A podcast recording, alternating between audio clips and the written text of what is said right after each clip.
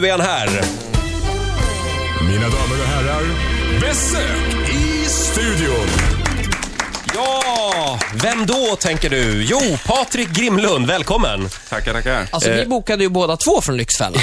Ja. Kan vi säga. Vad har hänt med Magnus? Magnus har blivit pappa här för andra gången. Fantastiskt. Ja. Igår hände det. Ja, natten till igår var det. Det stod i tidningen att det var en riktigt tjockis. Det var en Bamse-kille här ja. 4,6 tror jag. Nej, 4,4. Ja, fyra. Ja. men då förstår jag att han måste vara helt slut efter den där jobbiga förlossningen. Så att han får väl vila upp sig lite. Men då har han i alla fall giltigt förfall tycker jag. Ja. Eh, Men Patrik, du är här i alla fall för att ta tag i Sofias privatekonomi lite grann. Jaså? Men herregud vad ni ska tjata om min ekonomi. Jag är väl jättenoga. Jag faktiskt är väldigt noga med mina kvitton. Är det du som betalar räkningarna hemma? Ja. Eller är det Magnus? Nej, det, det är konstigt. Då- Då är ändå min man så här VD och tar hand om hela ekonomin på sitt jobb. Men, vi kan ju jag tror att det är det som gör att han inte vill göra det hemma. Så Ah. att det hamnar på mig. Men vad gäller din ekonomi kan vi, kan vi informera Patrik om att Sofia köper väldigt mycket saker, men hon har ett enormt cashflow in också. Finns det någon fara med det? Ja, men absolut. Det, det, man kan ju hamna i ekonomiska trångmål även om man tjänar bra. Alltså, Det är nästan svårare att hålla koll på pengarna då. Ja. Men vad är det vanliga i en familj? Att båda betalar räkningarna eller att någon sköter det? Eh, familj generellt eller Ja. de familjerna vi besöker. Ja, om vi tar en familj generellt, vad tror du? Jag tror att det är ganska uppdelat. Man har sina olika sysslor och det brukar vara en... Är och det inte oftast mamman eller kvinnan? Jag har bara fått för mig det. Eller bara för Ja, jag vet inte. Jag tycker jag ser ungefär lika mycket. Ja. Hur vanligt är det eh, att man har separata ekonomier?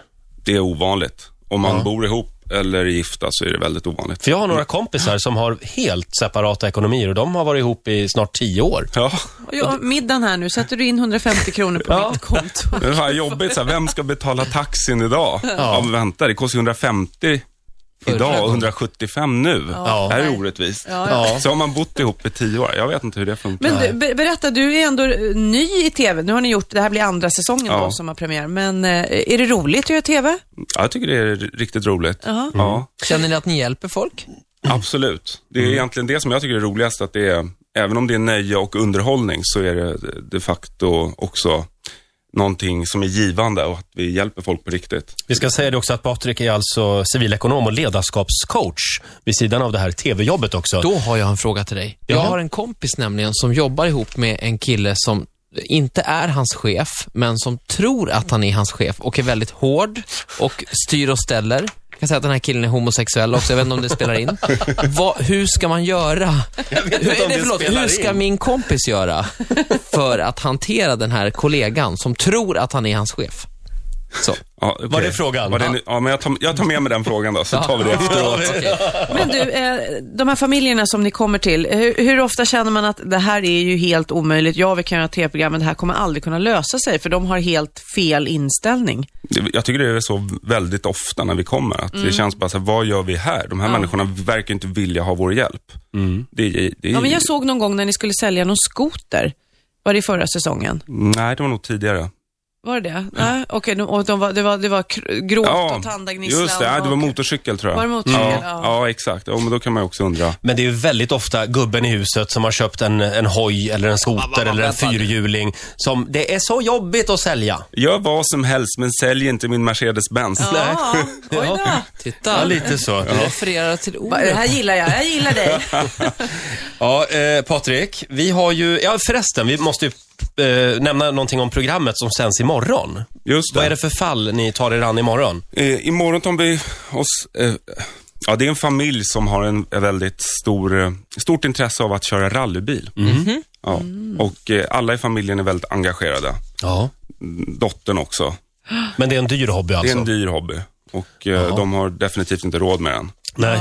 Så att, eh, men eftersom hela familjen samlas runt den här, det här gemensamma intresset så är det också väldigt känslosamt Laddat. och väldigt laddat. För Ja. att eh, försvinner den hobbyn, då, då känns det också som att... eh, Men du, är det ofta familjerna själva som söker hjälp eller är det några närstående som skickar in en ansökan? och ofta är det en närstående, eller så kan det vara ibland eh, eh, mogna barn i familjen. Men gud, vad hemskt. Oj. 16-åringar, 18-åringar, 20-åringar som anmäler sina föräldrar och säger att eh, vi står inte ut längre, hjälp Nej. oss. Ja.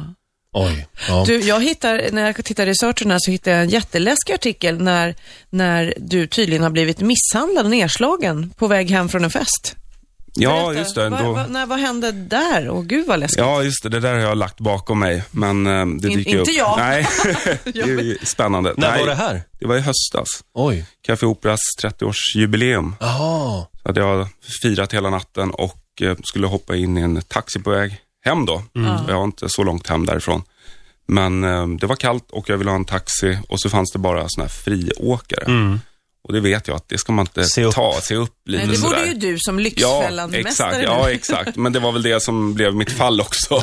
Jag hade lite för mycket åsikter om taxametern och hur, hur snabbt den gick. Ja. ja. Ja, Och, jaha, så att det var taxichauffören då precis. som gav sig på dig? Ja.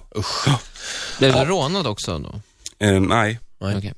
Uh, Eh, vi har ju en tävling Patrik, där vi ger pengarna tillbaka den här veckan. Eh, man ska gå in på vår hemsida riksfm.com och berätta om ett onödigt köp som man har gjort, så kan man få pengarna tillbaka upp till 10 000 kronor. Igår var det en kvinna eh, som eh, hörde av sig och berättade om en eh, fettsugning som var helt misslyckad faktiskt. ja, hon blev varken smalare, och, utan hon fick istället celluliter istället. Ja, precis. Så vi, vi gav henne pengarna tillbaka. ja. Man kan säga att det här är tvärt, Lyxfällan fast tvärtom.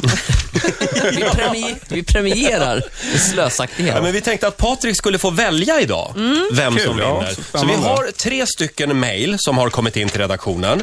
Här till exempel har vi en tjej som köpte en kattunge till sin dotter eh, för fem kronor av sina kusiner. Toppen tänkte vi, en gullig liten kissemiss för en billig peng. peng. Det visade sig att det skulle bli det dyraste kattköpet i världshistorien. Tassen, som han heter, blev nämligen akut sjuk och behövde opereras. Dottern fick då bestämma, operera eller avliva. Och det var aldrig någon, någon tvekan. Liv till varje pris var det som gällde.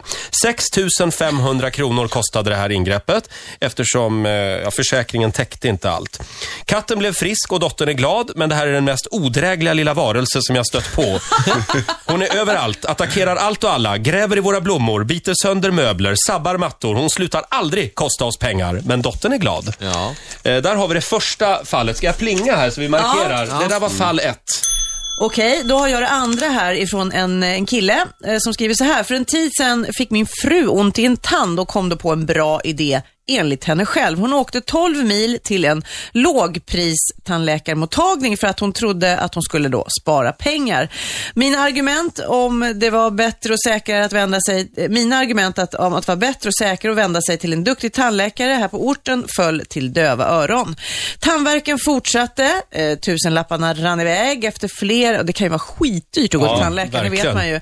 Besök, eh, efter flera besök hos den här lågpristandläkaren, då gav min fru upp och, och vände sig istället då till tandläkaren på orten, som han hade sagt från början, och konstaterade att tanden var sönderborrad och gick inte ens att rädda med en rotfyllning.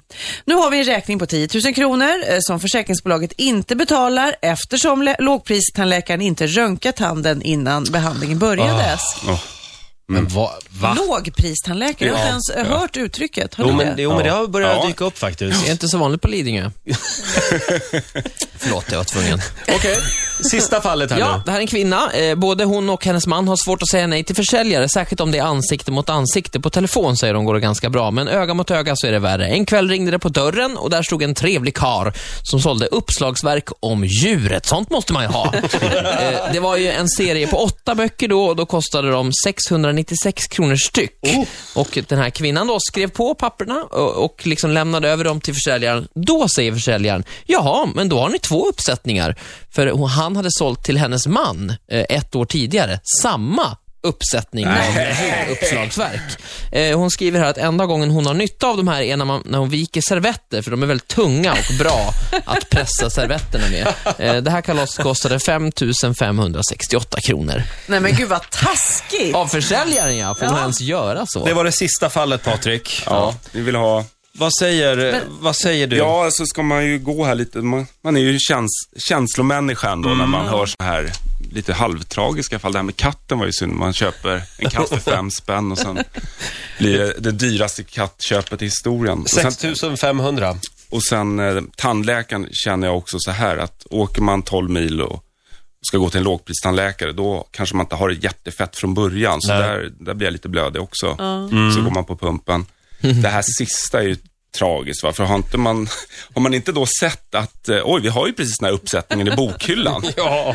Så att, där, nej, nej, då, då har man eh, för lite koll. Jag, jag kör på um, tandläkaren. Du kör på tandläkaren. Tandläkaren. Ja. Sofias mejl. Ja. Vi har, vi har inte avslöjat vilka personer det är som har skickat in de här, Nej. utan Nej. vi, vi håller deras eh, identitet hemliga en liten stund till. Vi ska ringa upp vinnaren om en stund, hade vi tänkt. Patrik, vi kollar imorgon. Mm, Lyxfällan börjar klockan 21.00. 21.00 på TV3, alltså imorgon kväll. Du får en applåd av oss. Tack så mycket. Och hälsa din kollega och säg grattis då. Ja, vi säger grattis nu. Grattis Magnus. Ja, grattis. Radio